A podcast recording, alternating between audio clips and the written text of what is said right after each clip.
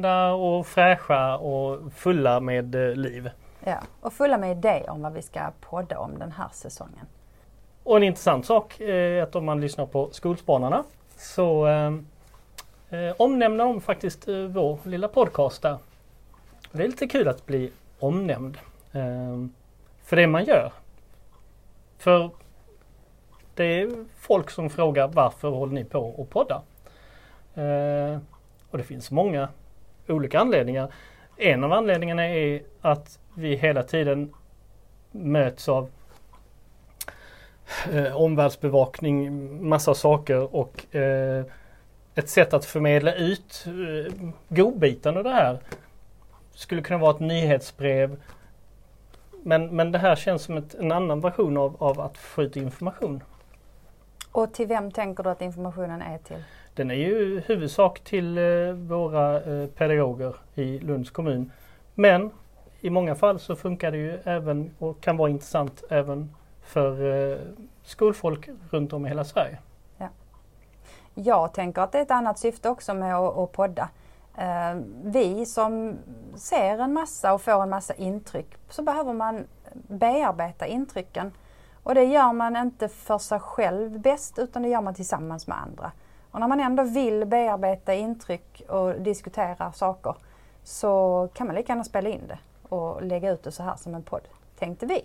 Mm. Jag känner så här att jag kan tänka en sak och tycka men när jag väl börjar uttrycka det med ord så här när vi sitter och pratar öppet så, så kommer jag på mig själv med att formulera nya tankar och jag får dessutom input av er som sitter med mig.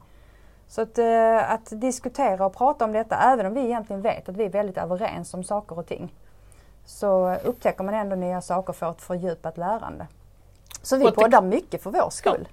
En sak som man skulle kunna göra ett poddavsnitt är att man diskuterar en bok som man har läst. Ehm, för att man kanske har fått lite olika eh, inputs, tolkat olika saker i den här boken eller så. Att man sitter och diskuterar det. Och av en händelse så råkar Anneli och jag ha Vunnit! vunnit varsitt ex av boken The Hybrid Teacher eh, utav eh, Emma Paas. Eh, och Emma Paas är, ehm, hon är pedagog eh, i Colorado bland annat. Eh, och som jag tolkar det så är den här boken liksom lite sammanställning av vad hon tvingades göra när man i USA helt plötsligt blev eh, tvingade att eh, göra eh, eller hålla på med fjärrundervisning. Eh, nya metoder, idéer eller hur man då kan göra klassrumsarbetet fast på distans. Eh, Och berätta då skillnaden på fjärr och distans. Eh, och, och om vi då pratar, säger distansundervisning.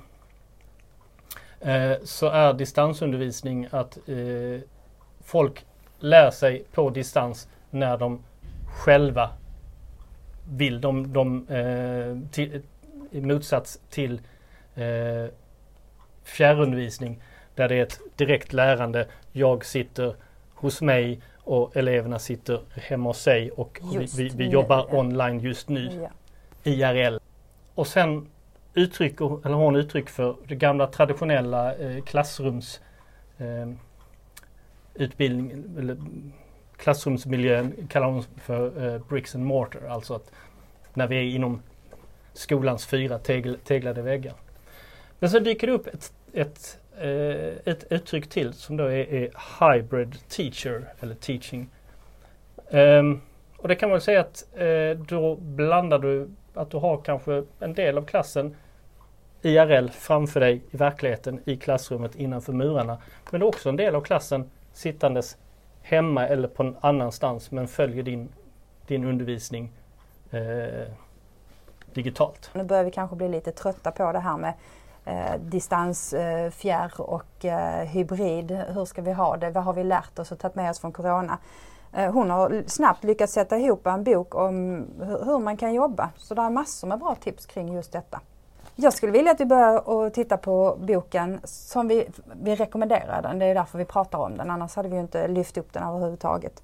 Um, upplägget i boken, om man bara tittar på eh, innehållsförteckningen, så tycker jag att um, den har väldigt, väldigt tydliga kapitel så att man måste inte läsa den rakt av utan man kan gå in och läsa bara det man är intresserad av att lära sig mer om. Och i den här boken har hon då liksom plockat grejer som hon, hon har blivit tvingad eller hittat på att göra för att kunna ha eh, fjärrundervisning.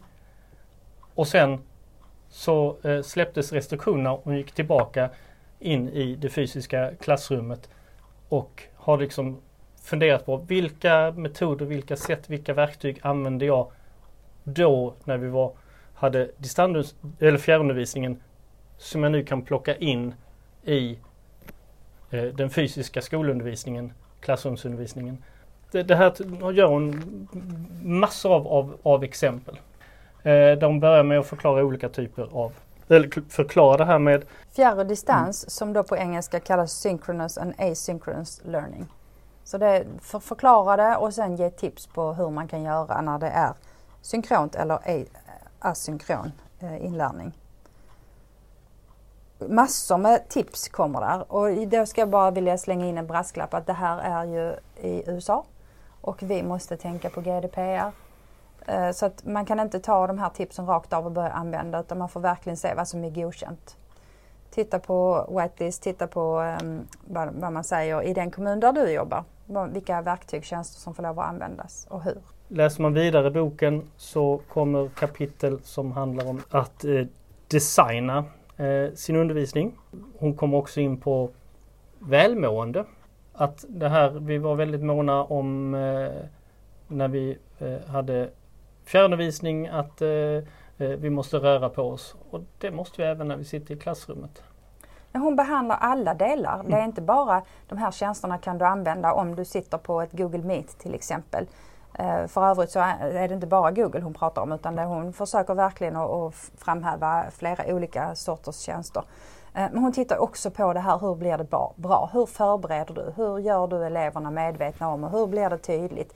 Hon tar alla saker runt omkring. Um, ja, den är... Finns massor av exempel på saker eh, som hon tar upp. Um, jag vet inte om vi ska dyka in i olika delar eller hur vi tänker Jag skulle vilja fördjupa mig lite grann mer i den här boken och prata om de olika delarna. Mm. Jag har antecknat jättemycket och jag tänker att eh, kanske man skulle gjort någon slags sammanställning av de olika, eh, inte alla kapitlen, men en sammanställning av det som är intressant och prata mer kring det och samtidigt dela med oss av ett underlag från boken. Um, var tänker du att man kan få tag i boken om man skulle vilja läsa den? Om man inte har som tur som oss och vinner den? Ja, eftersom jag av någon anledning kom hem från eh, Sättmässan med två exemplar av boken så jobbar man i Lund eller man känner mig eh, så kan man kontakta mig så kan jag låna ut boken. Och det kan jag också låna ut min till eh, Lunda pedagoger. Eh, men jag googlade faktiskt på den och den finns ju att köpa på Amazon. Vill vi säga någonting mer om boken? Eh, jag tänker att vi, vi eh, får nog skapa något mer avsnitt kring den här boken kommer senare. Ja. Men man kan säga att i princip varje kapitel eh, kring varje kapitel så har hon gjort en summering med, med eh, resurser och tips och sådär. Eh, så att det, det är liksom lite grann som ett uppslagsverk också. Ja, det är det. Jag läste den från pärm till pärm men som sagt det behöver man inte göra. Och jag har läst, eh, i början av sommaren läste jag en del av boken och sen så har jag fortsatt eh, efter semestern. Ja. Jag sitter bara och bläddrar i mina anteckningar och, och ser att hon har liksom eh, till exempel gjort upplägg. Eh, så här kan du lägga upp en lektion och precis i minuter börja med att checka in. Eh, så här lång tid och sen så ska det vara någon tankeverksamhet och sen sätta lite spelregler inför vad som kommer och ge instruktioner och sätt dem i arbete och sen exit-ticket. Och denna exit-ticket har hon också gett förslag på eh, vad det ska stå så det, det, är verkligen grundligt. Uh, hur mycket tid ägnar du åt uppgiften och vet du mer eller mindre eller lika mycket som innan? Uh, tog det lika lång tid som du trodde att du skulle göra?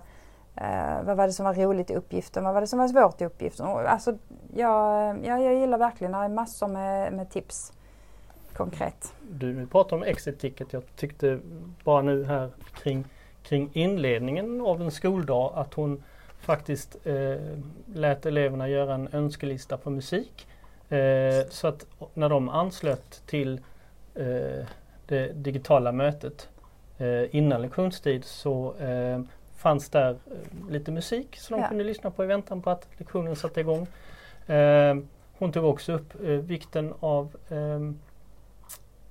det, det man eh, det var ju svår, svårt med, med det sociala när vi eh, satt vars, i varsin kammare. Eh, vikten av att eh, få ägna första minuterna eh, åt att prata av sig. Eh, säga hej till varandra och kolla läget. Ehm, ja, nej, ehm, finns mycket att hämta där kring, kring eh, hur man lägger upp skoldagen och eh, lektionen. Och därför tror jag att vi kanske ska serva med att spela in eh, lite djupare avsnitt Mm. än bara detta. Men som sagt, boken finns att låna hos någon av oss. Ehm, det är bara att höra av sig. Då eh, avslutar vi kanske för idag och så ses vi. Mm. Så är ni nyfikna på att höra mer om boken och eh, lite fördjupning där så är det bara att eh, vänta på ett kommande poddavsnitt. Och nu hoppas vi att den här inspelningen blir bra för för en gångs skull satt vi tillsammans och spelade in och hade fullt sjå här med att inte avbryta varandra. Ja, Men eh, lite, lite ovant var det att Ja. faktiskt sitta fysiskt. Eh, när man är van vid att sitta på skärmen och spela in varsin. och Vi får se hur detta blir. Mm. Så, vi ses i nästa avsnitt. på återhörande. Hej då allihopa!